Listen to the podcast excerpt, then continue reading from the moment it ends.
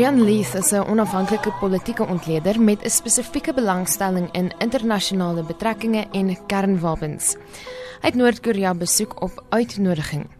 Hy sê alle fasette van die samelewing word deur die regering beheer en as buitelander is dit veral moeilik om met inwoners te kommunikeer omdat selfs dit streng gemonitor word.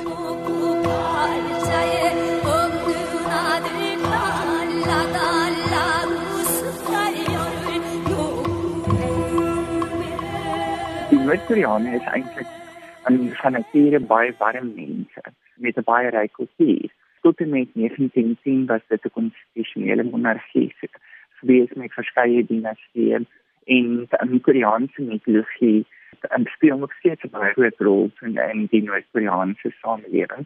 Pyongyang is die hoofstad van die land. En dit is 'n ongelooflik mooi stad dit is baie netjies, dit is baie skoon.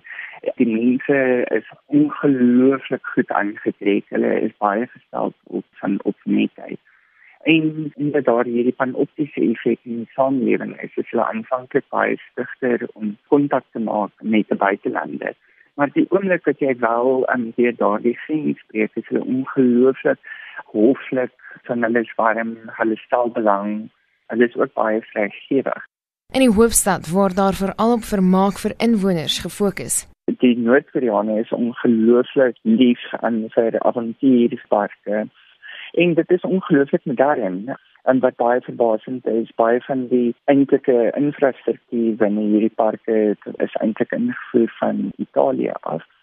Die mense is ongelooflik lief aan daarvoor om byvoorbeeld tussen in parke kaarte speel. Sokker is ongelooflik ingebou.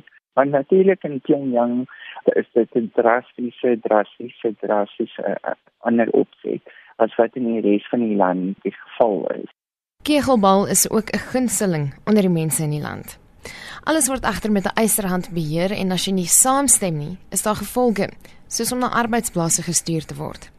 Verder word die land streng kommunisties beheer, wat beteken dat geloof beskou word as 'n bedreiging vir die totalitêre stelsel die rol van die tradisionele um, Koreaanse geloof is wel sigbaar. Soortgelyk aan wat mense in Japan ook teekom, natuurlik soos as gevolg van die geografie van Noord-Korea is dit oor die geskiedenis baie beïnvloed deur interaksies met byvoorbeeld China.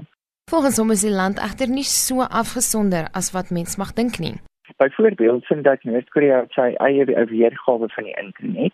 Veral die afgelope paar jaar sien is daar ook 'n selfoonnetwerk um, ontwikkel. En ook in van elke twee jaar hou Pyongyang 'n internasionale filmfees van waar aan die films natuurlik streng gekeer word. Verder sê die Koreaanse kultuur en tradisies kom meer suiwer voor in Noord-Korea as in Suid-Korea hulle tradisionele danse ensovoorts veral in Pyongyang is nogal iets om te aanskou. Natuurlik in Suid-Korea sien daar die tipe van kulturele aspek aan son net ek baie verwester.